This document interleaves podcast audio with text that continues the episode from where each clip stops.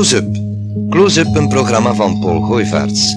De techniek wordt verzorgd door Rudy de Vlieger.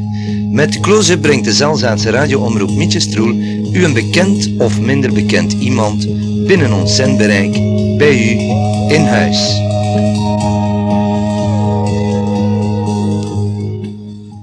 Vandaag op bezoek bij Frans Duister, Frans Duister. inderdaad. Frans Zelzatenaar? Nee, ik ben eh, Nederlander van geboorte, maar ik woon momenteel toch al ruim 25 jaar op Zelzaten, dus ik voel me wel een beetje Zelzatenaar. Het is niet ver af ook Sassen. Eh, maar ik kom feitelijk, ik heb in Sas nog gewoond eh, vanaf mijn 15e jaar, maar eigenlijk geboren Limburg, Nederlands Limburg. Nederlands Limburg. Ja, ja. Ja. Dus de schoolperiode. dat- Schoolperiode tot mijn 10 jaar heb ik dus Nederlands Limburg naar school geweest. Dan in verband met de job van mijn vader zijn we naar de Nederlandse Antillen verhuisd. Oh ja. Mag ik vragen wat vader deed? Eh, mijn vader was eh, in die tijd eh, vrijwillig militair. Oh ja. En eh, op die manier kwamen wij dus in Nederlandse Antillen terecht, Curaçao, Aruba. Nadien teruggekomen naar Nederland, een klein poosje nog in Limburg weer gewoond. Dan naar Sas van Gent verhuisd, Terneuzen naar school geweest, de HBS afgedaan. En op die manier ben ik dus van Gent en zelfs altijd terechtgekomen. Eh, Frans, een hele ja, verandering als je dan op de Antillen zit. Klimaat enzovoort op een bepaald moment, zeker op die leeftijd, kom je dan in het koude, koude Nederland of België terecht. Eh, ja, dat is een hele grote verandering natuurlijk. Tropen buiten hier, vooral deze zomer. We Ja. mogen we niet al te hard eh, over boffen. Nee. Maar van, mens past hem nog redelijk gemakkelijk aan. En dat zullen we verder in het programma nog wel horen ook hoe rap dat er gaat. Eh, Frans, eh, als je nu zou mogen kiezen hebben, ik zeg niet op je leeftijd nu, maar eh, zo'n 20 jaar terug, wat zou je kiezen? Ginder blijven of naar hier komen? Ja, Uw echtgenote zit erbij. mijn echtgenoten zijn Heel er natuurlijk, maar ik zou Ginter gebleven hebben. Ja? Ja, ja, ik zou Ginter gebleven hebben. Ah, ja. Inderdaad, ja. ja, ja. En kunnen vertellen wat, wat je dan eh ja, maar ik vind vanaf de leeftijd 10 tot 15 jaar, dat doet ge- tamelijk veel ervaring en indrukken op. En de mentaliteit van die mensen, Ginter, de leefwijze, die beviel mij. Terwijl toen ik terug moest naar Nederland, ja, dat was allemaal netjes in een rijtje lopen en weet ik wat Ja. allemaal. En vooral in de beginperiode heb ik toch serieuze aanpassingsmoeilijkheden gehad. Eh, Frans Duisters, wil dat zeggen dat je ook legerdienst deed hier in Nederland? Of? Eh, inderdaad, inderdaad. Ah, ja. Eh, in 58 ben ik begonnen in Bergen op Zoom. Nadien overgeplaatst naar Breda. Dan Oorschot. En van Oorschot ben ik gedetacheerd geweest op de Lunenburger Heide in Duitsland. Oh, ja. En die tijd moesten we nog 24 maanden doen in Nederland. Dus ik heb, Heel mijn, lang. ik heb mijn part wel gedaan. Maar achteraf bekeken, eh, fantastische periode. Ja, toch. Ja, Met uw goesting. Ja. Ja. Ja. Enfin, het zat een klein beetje in de familie. Hè. Vader militair, Ah. dus ja, het stramien en dergelijke, je kende dat een beetje. De tucht was je gewoon. Eh, ja, min of meer toch. Alhoewel, op de Lunenburger Heide, de tucht, dat was maar voor zo te laten hoor. Ja. Eh, mooie periode toch al met al. Al met Ja. al. Ja, ja. Frans, eh, de reden van ons bezoek. eh, we vernamen dat u vanwege uw hobby eh, nogal een grote reis achter de rug hebt. Inderdaad, Misschien eerst het verhaal wat uw hobby is. wel, de, hoe moet ik dat zeggen? Dus, mijn hobby, die is feitelijk gegroeid tot momenteel het houden van fazanten. Proberen fokken daarmee en het een en het ander. En dan een zeer specifieke groep, namelijk pauwfazanten. En die dieren, die komen enkel voor in Zuidoost-Azië. Dus mijn betrachting was al langer om dat gebied toch een keer nader te laten kennen. Niet via boeken en filmpjes en weet ik wat allemaal, maar echt persoonlijk ondervinden hoe de natuur er is. Eh, het is niet begonnen met pauwfazanten. Eh, Nee, nee, nee, nee, nee, helemaal niet. Eh, dat begon met doodgewone kippen.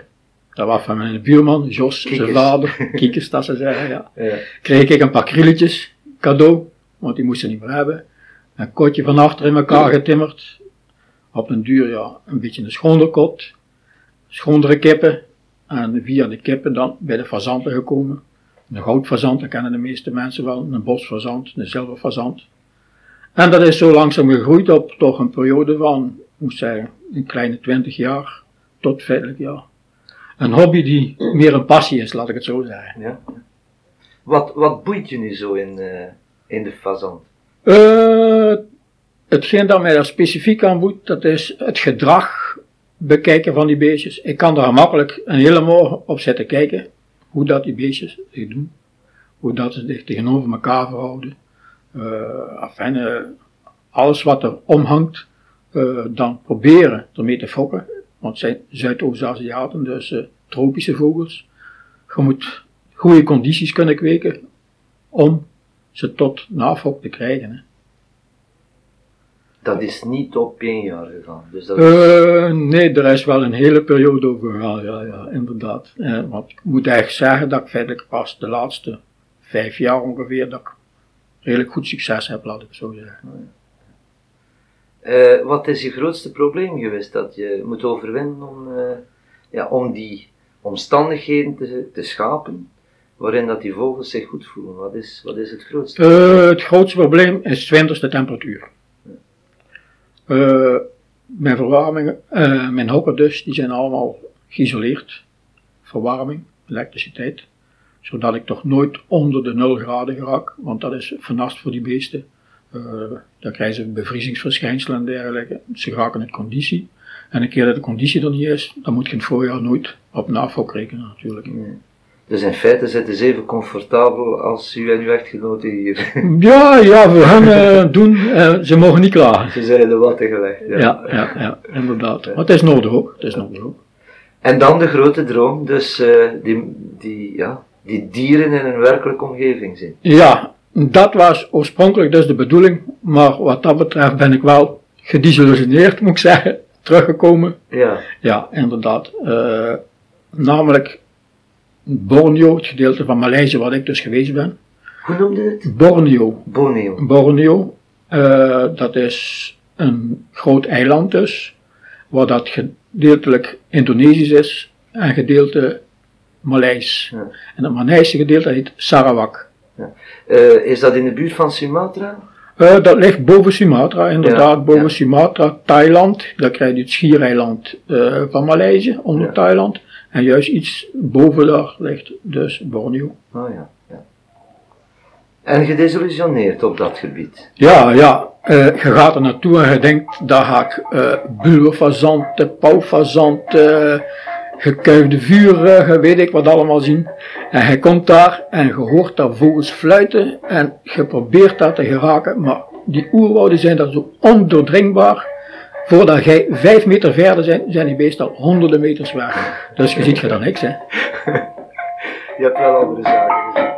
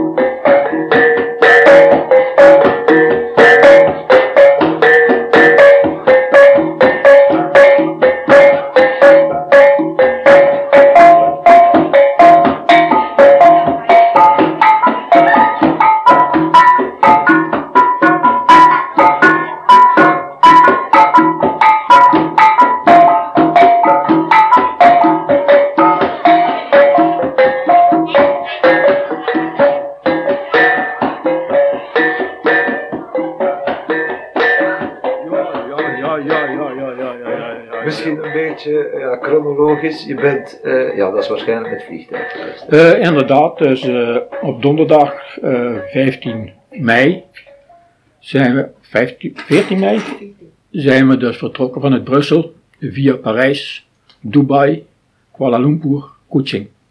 En Kuching is de hoofdstad dus van Sarawak. Met het gezelschap, uit wat bestond dat? dat gezelschap bestond uit negen mensen, twee dames en zeven heren. Uh, zeer gevarieerd gezelschap. Er zat onder andere een kunstschilder bij. Uh, een mannequin zat erbij. Uh, iemand die in een bierbrouwerij, voor een bierbrouwerij werkte. iemand die in verzekeringen deed. Enfin, van de Rijkswacht was er zaten we bij. Dus een zeer, zeer gevarieerd gezelschap. allemaal en, met verschillende belangstellingen. En allemaal praktisch met verschillende interesses, inderdaad. Ik was de enige die dat er feitelijk voor de vogels ging. Die anderen waren meer geïnteresseerd dus in de mensen daar, of de natuur in het algemeen, of een bepaald cultuurpatrimonium dat er heerste, iets dergelijks. Maar feitelijk voor vogels, daar ging ik voor naartoe. Maar ik zeg, dat is een beetje mislukt. Je kwam eraan en uh, hoe was het klimaat? Uh, ja, dat was voor ons uh, alles behalve ideaal. Wij vertrokken hier bij een temperatuur van 13 graden ongeveer.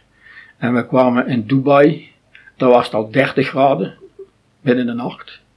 En we kwamen in Kuala Lumpur, en dat was 35 graden. En in Kuching, daar was het 38 graden. En daar was een vochtigheid van ongeveer rond de 80 procent. Dus uh, wat dat betreft was serieus acclimatiseren. we liepen daar namelijk nat van s morgens vroeg tot s avonds laat.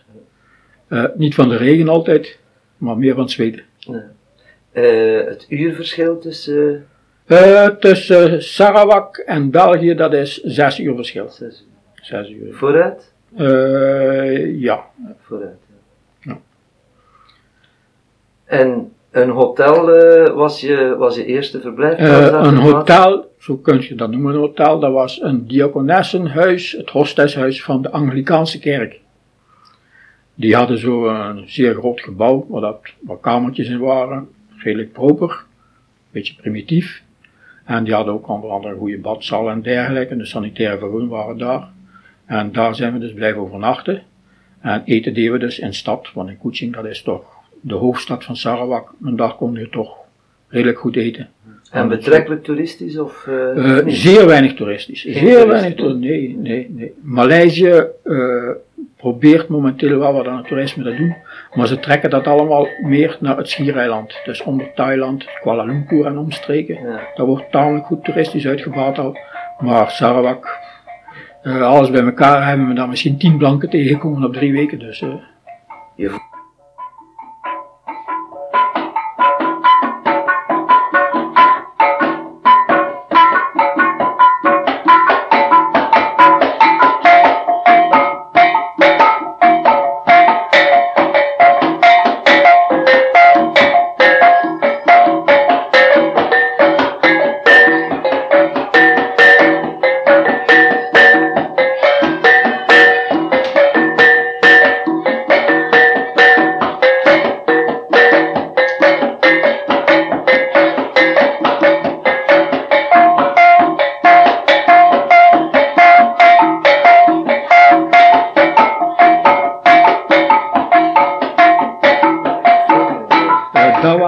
was inderdaad. Dat bekeken ze nog van, uh, wat komt er daar aan? uh, herinner je nog je eerste ontbijt uit wat dat bestond? Of was dat tamelijk klassiek? Het eerste ontbijt, dat was tamelijk klassiek. Dat was dus in de stad zelf. Dat was uh, gebakken eieren, kregen we daar zelfs. met een soort brood, maar van een kwaliteit alles behalve. was meer spons dan brood. Het was misschien spons. koffie en thee kon kiezen. Dus dat was feitelijk geen enkel probleem. En Kuching, moet ik eerlijk zeggen, dat was goed, goed, goed. Uh, dan moesten we van Kuching helemaal naar het noorden, naar Miri. En dat was het Sanderendaags, dus met een binnenlandse vlucht. Een Boeing 727, dus. Toch nog, ja. Ja, ja, ja, ja. Uh, van elkaar hangen. Ja, ja, ja dat, maar moet eerlijk zeggen, Maleisië en uh, Air Service, dat zijn een prima maatschappij. Ja, dat is veel Goeie ervaring. Goeie ervaring, ja. Uh, dus toen moesten we naar Miri. Dat was helemaal in het noorden van het land. En dat was al een plaatsje dat ja, al redelijk wat minder was dan Kuching. Uh, typisch Oosters. Een beetje vervallen en vuil. Uh, stikte daar van de Chinezen. Elke straat had honderden winkeltjes.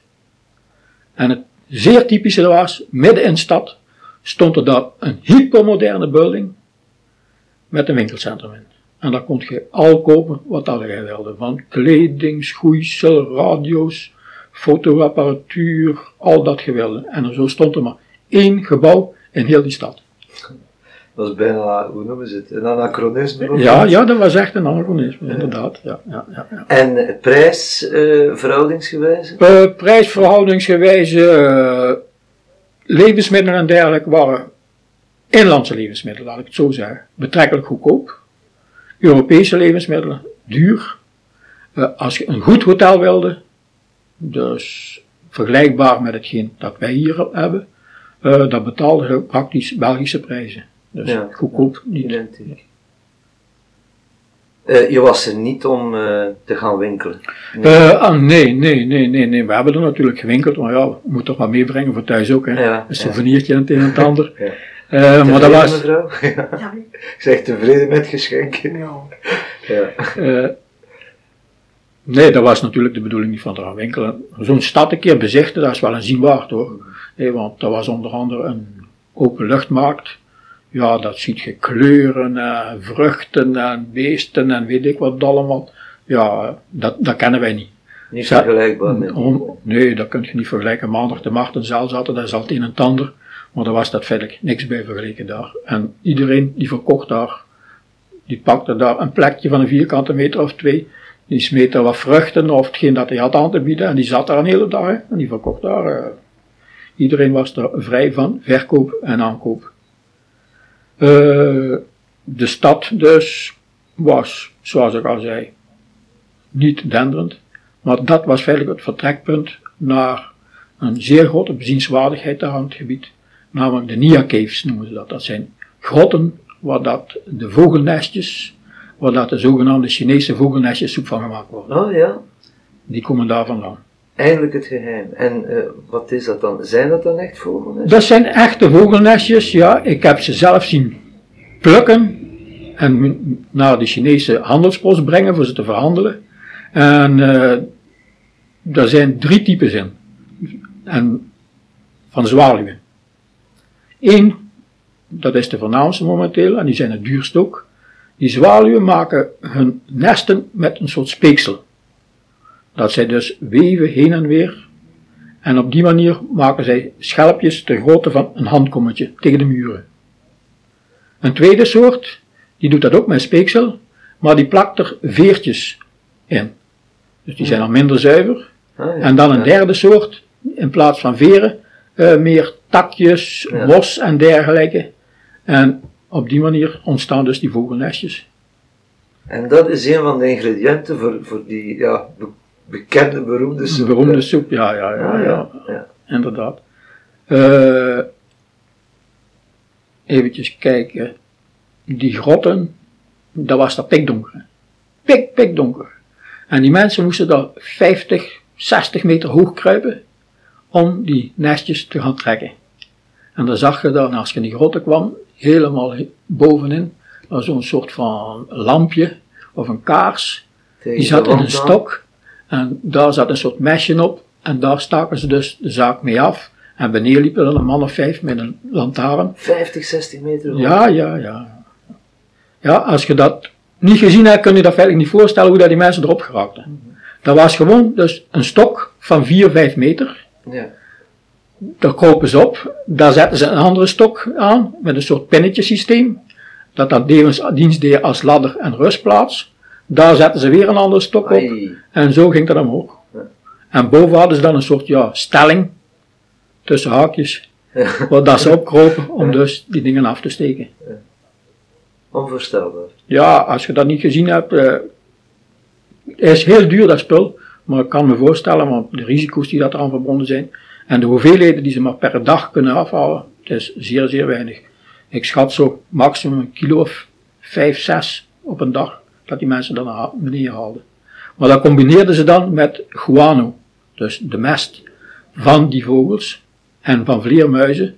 En daar schepten ze dan tegelijk een zak van ongeveer 50 kilo vol. En die moesten ze dan over een kilometer of zes te voet op hun nek naar die Chinese handelspost brengen. En daar konden ze die dan omzetten in geld of in levensmiddelen. Ja, een soort ruilhandel. Een soort ruilhandel.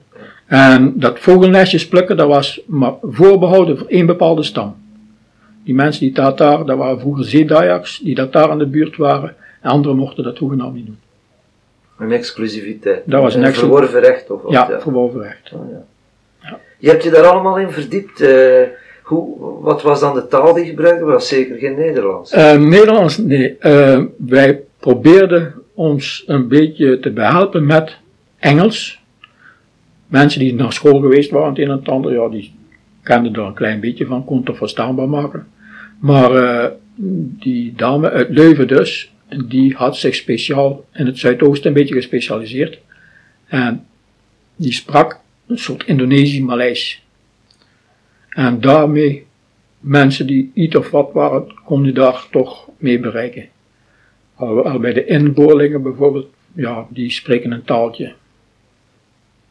Daar kun je niks van maken. Koeterwals. Ja, inderdaad. inderdaad. Eh, Frans Duisters, je zat in je startblokken waarschijnlijk, want je had nog geen vogels gezien. Je hebt ze uiteindelijk niet gezien. Maar eh, je was waarschijnlijk eh, heel nieuwsgierig naar wat je ging vinden in, eh, in de broesen. Ja, Want je bent naar de broesen getrokken. inderdaad. Dus van de Nia Caves zijn we via Bintulo de rivier opgevaren, want wegen zijn er niet. Het enige transportmiddel is daar een boot over de rivier of te voet, een van de twee. Een normale boot of was dat ook? Eh, dat was zo'n eh, een bootje gemaakt van planken, waar je met achter elkaar moest zitten, allemaal. een soort pro. Een soort inderdaad. Maar wel al voorzien van een buitenboordmotortje. Dat, dat kenden ze toch ook al goed. Ja, ja, ja. Vroeger peddelden ze nog, maar dat was nu alleen maar voor, ja. De laagste in de stam die peddelde nog, maar van als je daar een klein beetje status had, moest je een buitenboordmotor rijden. Dat ging niet meer. Oh ja. ja.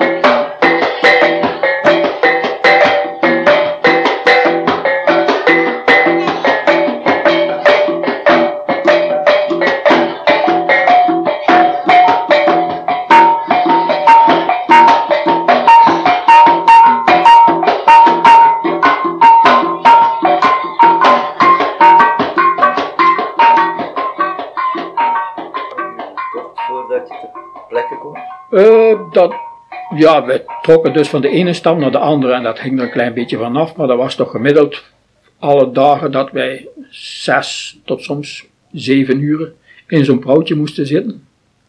Eh, niet constant, want bij waterversnellingen en dergelijke natuurlijk. Dat was uitstappen, heel de bagage op de nek, door een stuk van het doerwoud kruipen, totdat voorbij de waterval was of voorbij de stroomversnelling, terug in de boot en weer verder. Maar ik zeg, dat waren soms dagen bij dat we toch ongeveer een acht uurtjes in zo'n bootje spendeerden. Was echt avontuur. Ja, ja, ja, ja, ja, ja, want eh, een stukje beschaving, dat was hoegenaamd niet te vinden, nee, nee. nee. Hoe was je dan gekleed?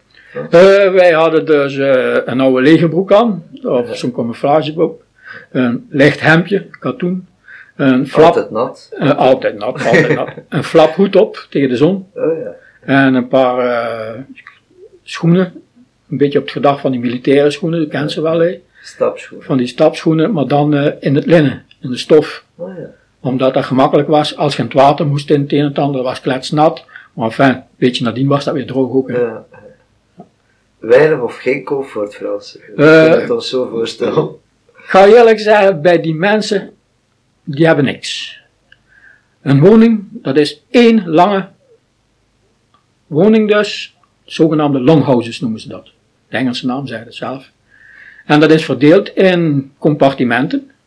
En daar woont dus een hele familie. Dus het stamhoofd in het midden, broers, zusters, dan wonen daarnaast en afzakkend volgens graad naar buiten toe. En dat kon zo variëren van 10 tot 30 deuren. Want elk zo'n compartiment noemden ze daar een deur. Oh ja, ja. En eh, Dat was één gebouw, één groot gebouw op Palen, inderdaad. Op Palen, omdat het altijd aan de rivier was, want die mensen hadden anders ook geen vervoer natuurlijk. En eh hoe moet ik het zeggen? Eh, bijvoorbeeld wij, als wij hier nou zitten, als we licht nodig hebben, we draaien een keer aan een knopje. Hé, willen we een stukje muziek, we zetten de radio aan. Of tv kijken wij naartoe. hè. Maar daar, die mensen hebben totaal niets, niets, niets. Ook geen radio. De verste stam dat ik ben geweest zijn, dat was ongeveer een jaar geleden dat er nog blanken geweest waren. En er was een eh, Australisch antropoloog die daar drie maanden geweest was dus om de taal te bestuderen. Wij kwamen er met negen mensen aan. En de gids, die dat dus een inlander was, die ons vervoerde van één plaats naar de andere, dat was wel elke keer een andere, die ging dus aan de hoofdman vragen of dat wij daar mochten verblijven. Eh, die kwam terug, eh, die zei alles is in orde, maar bij die mensen is altijd al goed. Zeer vriendelijke mensen. Het zijn koppen snellers geweest, maar we zouden ze niet aan zijn. Voel je je veilig? Eh, zeer comfortabel zelf, inderdaad. altijd, Ja, ja? ja, ja, die mensen, dat mocht jij, enfin, dat is niet te vergelijken met die mentaliteit. Nee. Vriendelijk, alles delen.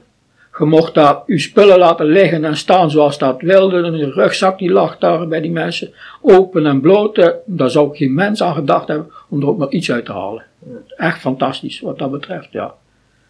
Dus je bracht de nacht door in, eh, in de longhouse. De nacht Kans op het uiteinde dan. Eh, nee, nee, nee. Of wij hadden het voorrecht als Oh, ja. gast bij de hoofdman, eh, Oh, ja, ja. werden wij ondergebracht. Inderdaad, dus daar kwam hij in zijn woning binnen. Dat was een grote planken vloer met wat spullen aan de wand. Ketels, potten, pannen, wat doodshoofden en dergelijke. Van in de tijd, Van in de tijd nog, inderdaad. Ja. En eh, voor de rest niks, hè. Ja. Tafel, bed, stoelen, dat bestond er allemaal niet. Ze leven daar volledig op de vloer. Elektriciteit, al zei, eh, radio, televisie, telefoon. Je zit er absoluut afgesloten van heel de wereld. Frans, eh, ja, zoals in de meeste landen, als je ergens ja, gast bent, word je verwelkomd, is er zo ergens een traditie rond eh, een welkomstdrink of iets dergelijks.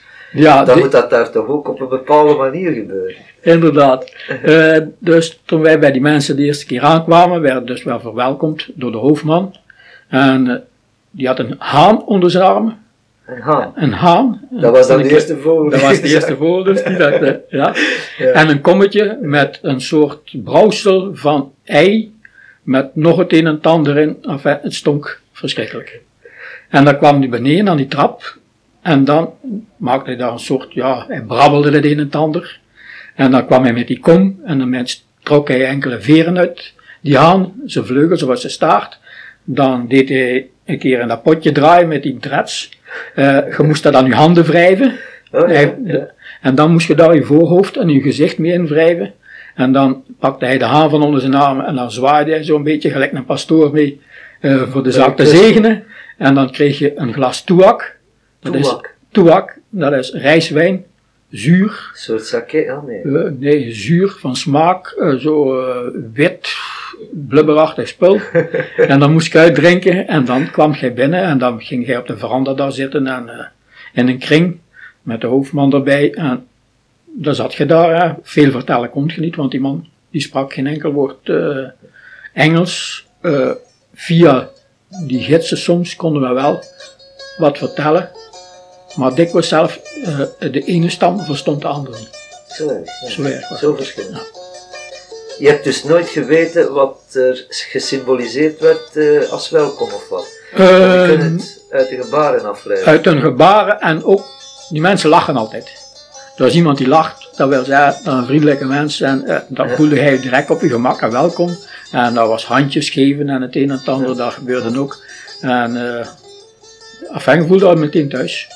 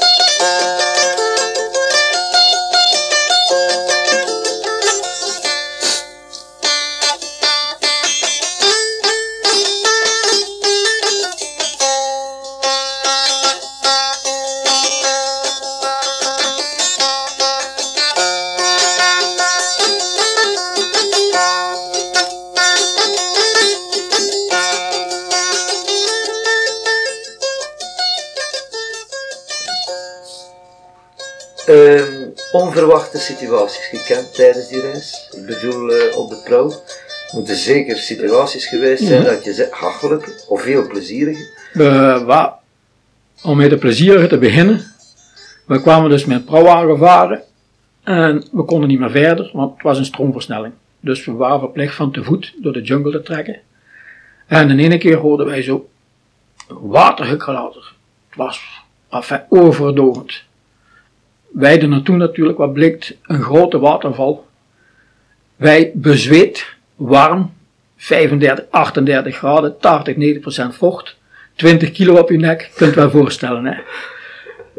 De bagage werd daar gesmeten met kleren en een heleboel. Dat waren net de, net de kleine jongens, alhoewel dat de gemiddelde leeftijd rond de 40 lag. Die daar in het water lagen te spartelen. De mooiste dag van je leven. Een van de mooiste dagen toch, van die vakantie Ja. op dat gebied dan. Het hartelijkste dat we meegemaakt hebben is geweest eh, toen we naar Capiet moesten varen. En dat was een boot. Ja, je kunt het een beetje gelijk de busdienst hier vergelijken. Dat waren boten waar er 40, 50 mensen op konden, met grote motoren. En die moesten ook dus soms stroomversnellingen nemen. Maar die mensen wisten tamelijk goed, want die waren dagelijks heen en weer, langs waar en hoe, dat ze die stroomversnellingen moesten nemen. En eh, een minuutje of tien voordat we aan een zeer grote stroomversnellingen waren in een keer de boot. Die gaat niet meer vooruit. De motoren die begonnen te draaien. De boot ging niet meer vooruit. Enfin, er kwam nog een sleper langs die dat hout vervoerde. Eh, die lei opzij aan en die duwde de boot aan de kant. Niemand wist wat er gaande was natuurlijk. Enfin, een beetje paniek. Eh enfin, gingen een keer vragen, wat is er hier feitelijk gebeurd? Wat bleek er? De schroef was afgebroken van de boot.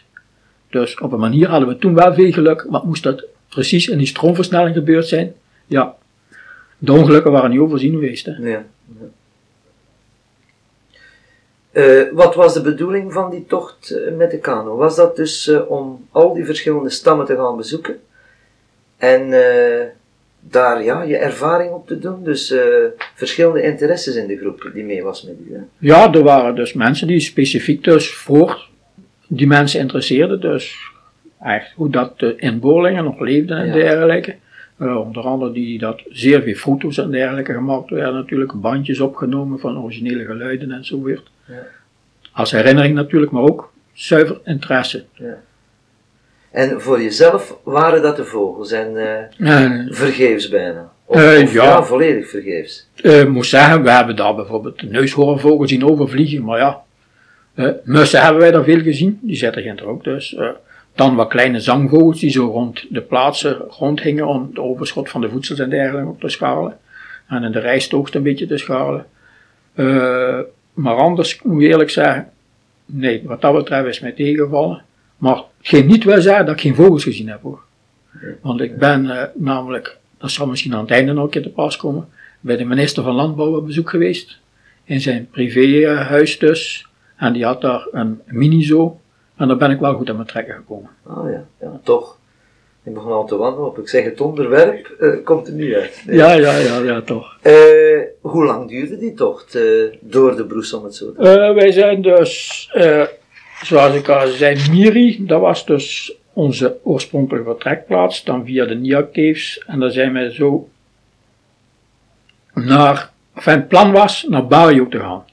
En Barrio, dat ligt in het hoogland. En dat is een, voor daar, koel gebied. Om een beetje te acclimatiseren, zogenaamd. Maar wat bleek, eh, we kregen geen permissie.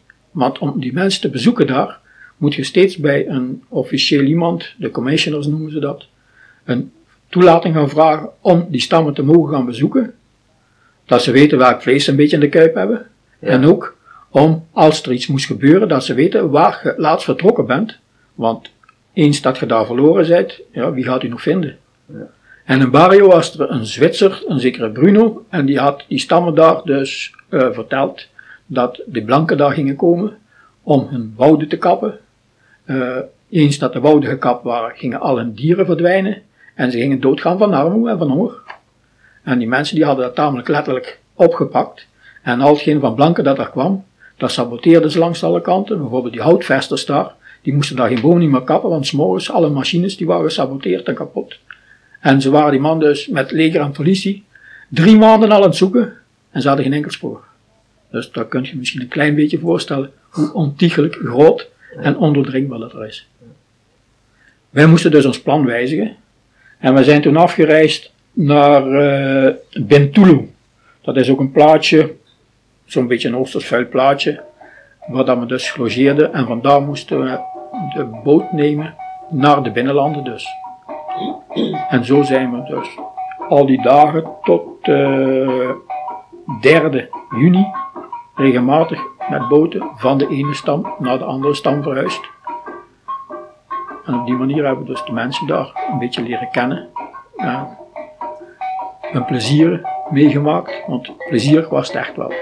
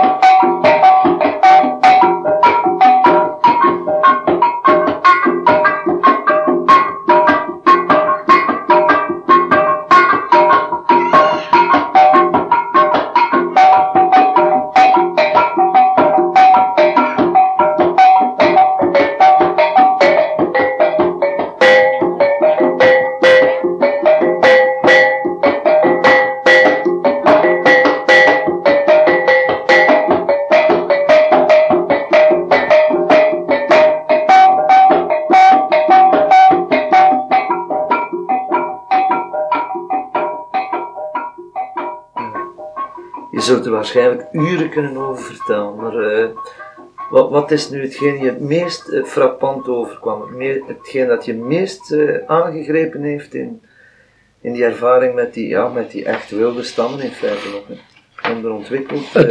ja, ja, want ze kunnen er niks, hè. En ze hebben daar een leven als God in Frankrijk, zeiden ze, maar dat was als een Maleier in Maleisië. ja. Maar hetgeen dat mij dat meest gefrappeerd heeft, en waar dat het meeste plezier aan gehad hebben, dat is dus uh, de vruchtbaarheidsfeesten daar. Dat was namelijk, daarom was die reis ook rond die periode gepland. Eind mei, begin juni zijn er vruchtbaarheidsfeesten. En dat zijn feesten die dienen om de goden en geesten gunstig te stemmen, om de vruchten goed te laten groeien, dat er veel beesten komen, veel vissen en dergelijke. Dus dat ze gemakkelijk aan hun eten komen. En wij zaten toen bij de Ibans, dat is echt nog een stam die tot in de jaren 50 koppen gesneld hebben. Met een huis van ongeveer 12 deuren. En dus wij waren daar op die dag van die ceremonies. En om een uur of zeven het van s morgens begon het al een beetje met muziek en het een en het ander. En iedereen die had daar plezier enzovoort. Want er werd al goed aan de toebak gezeten. Oh ja. je, hebt, je hebt daar uh, die opname van. Is dat da van dat? Daar heb dat ik, we kunnen laten doen in Duits zijn. Ja, ja, ja. ja, ja. daar heb ik uh, een bandje van opgenomen. Want dus, en s'avonds om een uur of zeven, dan, was feitelijk, dan begon de ceremonie. Dan werd er een geweven mat op de grond gelegd. Daar werden allemaal kleine schaaltjes opgezet. Drie rijen van acht, een rij van drie. Met allemaal etenswaren. rijstkoekjes, gepofte rijst, droge rijst, gekookte rijst en een grote kom met groenten en eieren. De voorman van de groep, die begon dus met de ceremonie, die pakte een zo'n groot bord, die legde daar midden wat rijst in, wat andere rijst, rijstkoekjes er rond, de eieren werden erin gezet, groenten erbij. Dan kwam die ceremonie weer met dat vel papje, met de haan onder zijn arm, elk wat aan de handen gevreven, in het gezicht een beetje gevreven, gezegend met de haan en erachter een glas toebak drinken. En dan werd dat op een soort schap gezet, dat er zo in gesneden hout gemaakt was. Dat was voor de geesten. En zondagsmorgens werd het naar de rivier gedragen. En dat was dan voor de riviergeesten ook keer staan. Wij hadden dat met ons negenen dus een keer aangezien. En na twee deuren komt die hoofdman bij Willem dat was die kunstschilder. Een vent van 100 kilo, met een grote roste baard. En dat maakte geen indruk baarder, want die mensen die hebben geen beharing op hun gezicht. Nee, nee dat, baarden ziet je dan niet. En ze scheren zich niet? Nee, ze scheren zich niet. Die, die hebben, die hebben geen baard? Geen, geen baard, nee. Oh. Dat is typisch voor die stammen daar, die hebben geen baard. Dus wij waren daar ik onder andere, ik heb wel een kleintje, al een beetje mensen in aanzicht. Grijs voor zij die je niet kent. ja. En eh, toen moesten wij die ceremonie beginnen doen. Dus ja, we hadden dat twee keer gezien. Wij zaten daar naast elkaar, plat op de grond. Hupsakee, alles mooi beginnen versieren. Daarachter met dat iedereen van de familie, want dat was elke deur was een bepaalde familie, iedereen van de familie. Wat aan de handen smeren, die smeren dan weer aan mijn gezicht. Daarachter kregen we die haan onder onze neus geduwd.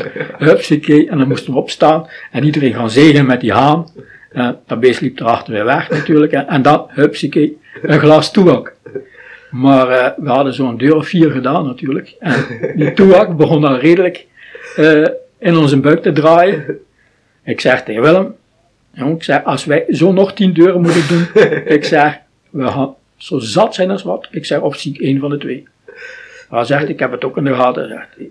Enfin, dat was zo iemand die nogal goed wat lol kon maken het een en ander. Ik zeg, doe jij wat domme dingen of het een of het ander. Ik zeg, en ondertussen zetten we die glazen tussen ons in. En die plankenvloer, dat was, sloot nooit goed aan elkaar. En ik kipte dan ondertussen die toeak door de planken naar beneden voor de varkens en de kippen. En dat deden we nog een keer net alsof. En dan konden we weer net niet de deur verhuizen. En zo ging dat tot aan het einde. En dan aan het einde dan was, uh, werd er muziek gemaakt. Uh, eerst inlandse muziek dus. Die meisjes dansen daar dan op, met pluimen op hun handen. Zeer, zeer gracieus, moet zeggen eigenlijk het is. Uh, die jongens die begonnen dan ook te dansen. En elke danser die stopte, die nodigde iemand anders uit en die moest dan ook dansen. Dat was een vermenigvuldigingsdans. Dat bestaat daar ook al. Uh, nee, dat was niet direct vermenigvuldigen. Elk dus, die Ah, ja. En die haalde iemand anders. Ah, ja. En die ene persoon die moest dan verder dansen. Ah ja. Die haalde dan weer iemand anders. Dus was telkens één persoon die dat dan danste. En natuurlijk, uiteindelijk kwamen wij natuurlijk ook aan de beurt. dus moesten wij daar ook op gracieuze manier, hè, met een houten rug. dat was Pluimen aan je handen. pluimen aan de handen, moesten wij er ook staan dansen. En eh, dat ging zo tot laat in de avond door. En omdat ik zelf ook een Ah, ja, cassette... geen verlichting. nee, nee, verlichting niet. pikdonker, Dat ja. was pikdonker. Een petroleumlampje, hè. Ja. Een soort eh, eh, potje waar een wiekteken in zat. En dat gaf een klein beetje licht. En dan werden er verschillende op die verandas dus gezet. En op die manier eh, een zeer, zeer romantische sfeer. Ik zelf, ik had een bandje meegenomen om geluiden op te nemen, maar er stond aan de achterkant Zuid-Amerikaanse muziek op nog. Dus ik pak mijn cassette recordertje aan het einde en ik draai die muziek een beetje.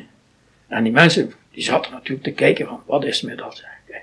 Eh de dikke Willem en Gerda, dat is die dame uit Leuven, die begonnen dan daar een beetje op onze manier op te dansen. En dat vonden die mensen natuurlijk fantastisch. Klappen in de handen, fantastisch. Hè. Nadien begon ik met die andere dame nog een beetje zo te bieboppen en het een en het ander. Ja, dat was natuurlijk helemaal het hek van de dam. Hè. En we zouden zo uren moeten doorgaan. Maar ja, je kunt dat voorstellen, bij zulke temperatuur, dat is niet vol te houden. Enfin, en zo eindigde het feest in een zeer, zeer goede stemming. Maar dat is wel een van de prachtigste ervaringen dat ik daarmee heb. Dat is echt terug naar de, ja, het, tour, het tourgedeelte van de mensen. Ja, inderdaad, inderdaad. Ja. Eh, Ja, want we lopen stil naar het einde van de uitzending. Niet te geloven, ik weet dat je uren kunt vertellen. Maar er zijn toch zaken, eh, Frans eh Duisters, die eh, ja, onvergetelijk bijblijven. Dat feest inderdaad. Maar er zijn toch zaken die je misschien nooit meer zult beleven. Of zaken die je nooit meer zult zien. Eh, die ik nooit niet, waarschijnlijk niemand. Ik denk niet dat ik nog naar Hinter ga, maar ook die veel mensen die wel nog naar Hinter zullen gaan. Tussen dit en vijf jaar niet meer zullen zien. Bijvoorbeeld eh, een traditie Hinter is dat de vrouwen die mode daar is, of een, ja, hoe moet je dat noemen, versiering, dat zijn oorbellen. Maar dat zijn oorbellen, ik zal je dat een keer laten zien, en je moest een keer vasthouden ook. Ja, die, Wat? wegen, die wegen 300 gram of zoiets. Ja. In massief koper. Een massief koper, en dat hangen ze in hun oren. En hoe langer dat de LL'en zijn, hoe mooier dat ze dat vinden. Oh, Die hangen tot op hun schouders en zelfs verder. Mevrouw, draag je dat? Nee, nog niet geprobeerd. Oh, dat is prachtig, hè? Ja, En maar dat is daar vervaardigd. dat is daar, dat heb ik bij in mensen van die stam, dus bij die hoofdman, heb ik dat van die vrouw kunnen Ze hebben dat kopen. moeten smelten, ze hebben Ja, ja, ja, moeite ja, ja, van ja, maken ja, ja, enzovoort. Want ik zeg, je, je vindt dat straks niet meer. Onder andere bijvoorbeeld, ik heb hier een kraal bij. Die mensen zelf, die weten niet meer van waar het gesteente vandaan komt. En elk kraantje, dat is gemaakt met de hand. Ga je zeggen, mooi is niet, maar het is een uniek stuk. Ja, als je je voorstelt dat al die steentjes geslepen zijn, eh, mooi rondgeslepen zijn, dat is niet te geloven, hè. Ja, dat is echt eh, vakwerk. Echt vakwerk, ja. Ja. En dan het wel, hetgeen dat ons wel het meest ook een beetje geambeteerd heeft, dat is de insecten daar. Oh ja. Ja, die zijn er allemaal van een formaat, dat kun je niet voorstellen voor ons. Spinnen met een diameter van 10, 12 centimeter, van die grote Eh. bruine met haar op. Kakkerlakken van een centimeter of 10, miljoenen poten van zo'n kleine meter. Eh, schorpioenen, eh, 10, 12 centimeter lang ook. En dat zijn allemaal beesten, ja, die zitten daar als het ware gewoon in huis. Hè. Ja. En als je dus s'avonds ging slapen, we hadden zo een laken had mijn vrouw in elkaar genaaid, waar dat we dan inkropen, een soort zak, een stuk gordijn over over mijn hoofd. En dan het s'nachts bijvoorbeeld, en een keer voelde zoiets over u kruipen. Maar ja, je wist niet wat het was. Was het een schorpioen? Naar slaan of iets, dat mocht, mocht je niet doen natuurlijk. Hè. Ja, ja. Dus dan was de buurman wakker maken van, parkeer uw lamp. En die stak dan, oh het is maar een kakkerlak. Ja, dat was dan natuurlijk rap gebeurd. Als het wat anders was, ja, dat was natuurlijk Heb je iets anders gehad? eh, Heb je... bij andere insecten, eh, het gevaarlijkste dat we feitelijk tegengekomen zijn, dat was Willem die ging s'nachts een keer naar buiten douchen, want het was een geweldige regenbui, een heet in huis. En die ging gaan douchen s'nachts. Dus naar buiten, die bleef weg, die bleef weg. We gingen een beetje ongerust worden, gingen een keer gaan kijken. En die durfde niet meer binnenkomen, want dan zat er een spin van 10 centimeter net boven de klinkdeur. en dat wilde de deur niet meer openmaken.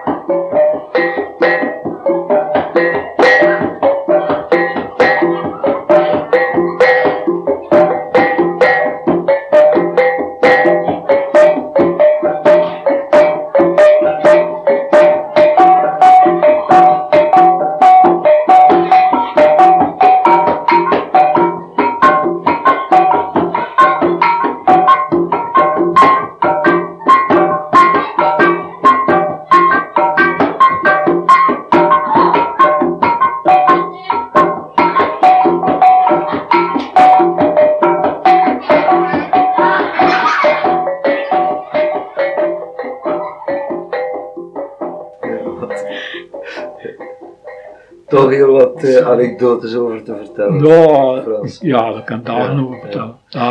Ik zou het volgende willen voorstellen, want we lopen naar het einde van de uitzending. Dus eh, ik zou voorstellen, want we hebben het totaal niet gehad over je kleine dierentuin die hier achteraan eh, Ah ja, geïnstalleerd is. een vogeltje, ja. ja. En dat wij in de loop van deze zomerperiode eens bij u opnieuw op bezoek komen om daar in het lang en breed een keer over te vertellen, als u daarmee akkoord kunt gaan. Ja, dat wil ik nog een keer doen. Ja. Want dat is iets dat mij wat, feitelijk nog nader aan het hart ligt dan Borneo. Ja. Eh, Frans, eh, om te besluiten, in het kader van die reis, heb je daar een wens aan overgehouden? Een wens direct niet. Want ik heb dat nou gezien. Ik ben er tevreden over. Het geeft mij volledige voldoening geschonken. Behalve dat ik geen vogels in het wild gezien heb natuurlijk. Tussen haakjes. Ja. Maar feitelijk een wens, nee. Ik, ben een fan mens die grote wensen. Ik probeer een doel na te streven in plaats van te wensen. En dat lijkt me beter. In dat kader had je het bereikt. dus Ja, ja, ja. ja. Eh, beste luisteraars, dit was een eerste gesprek met Frans Duisters uit Zelzaten, wonende in de Heidewaan. Dit was ook het einde van Close-up voor vandaag. We zeggen tot volgende week. De ZRO, de Zelzaatse radioomroep Mietjestroel, het station waar. Er naartoe natuurlijk, wat blikt, een grote waterval. Wij bezweet, warm, 35, 38 graden, 80, 90% vocht. 20 kilo op je nek, kunt u wel voorstellen hè. Inzit.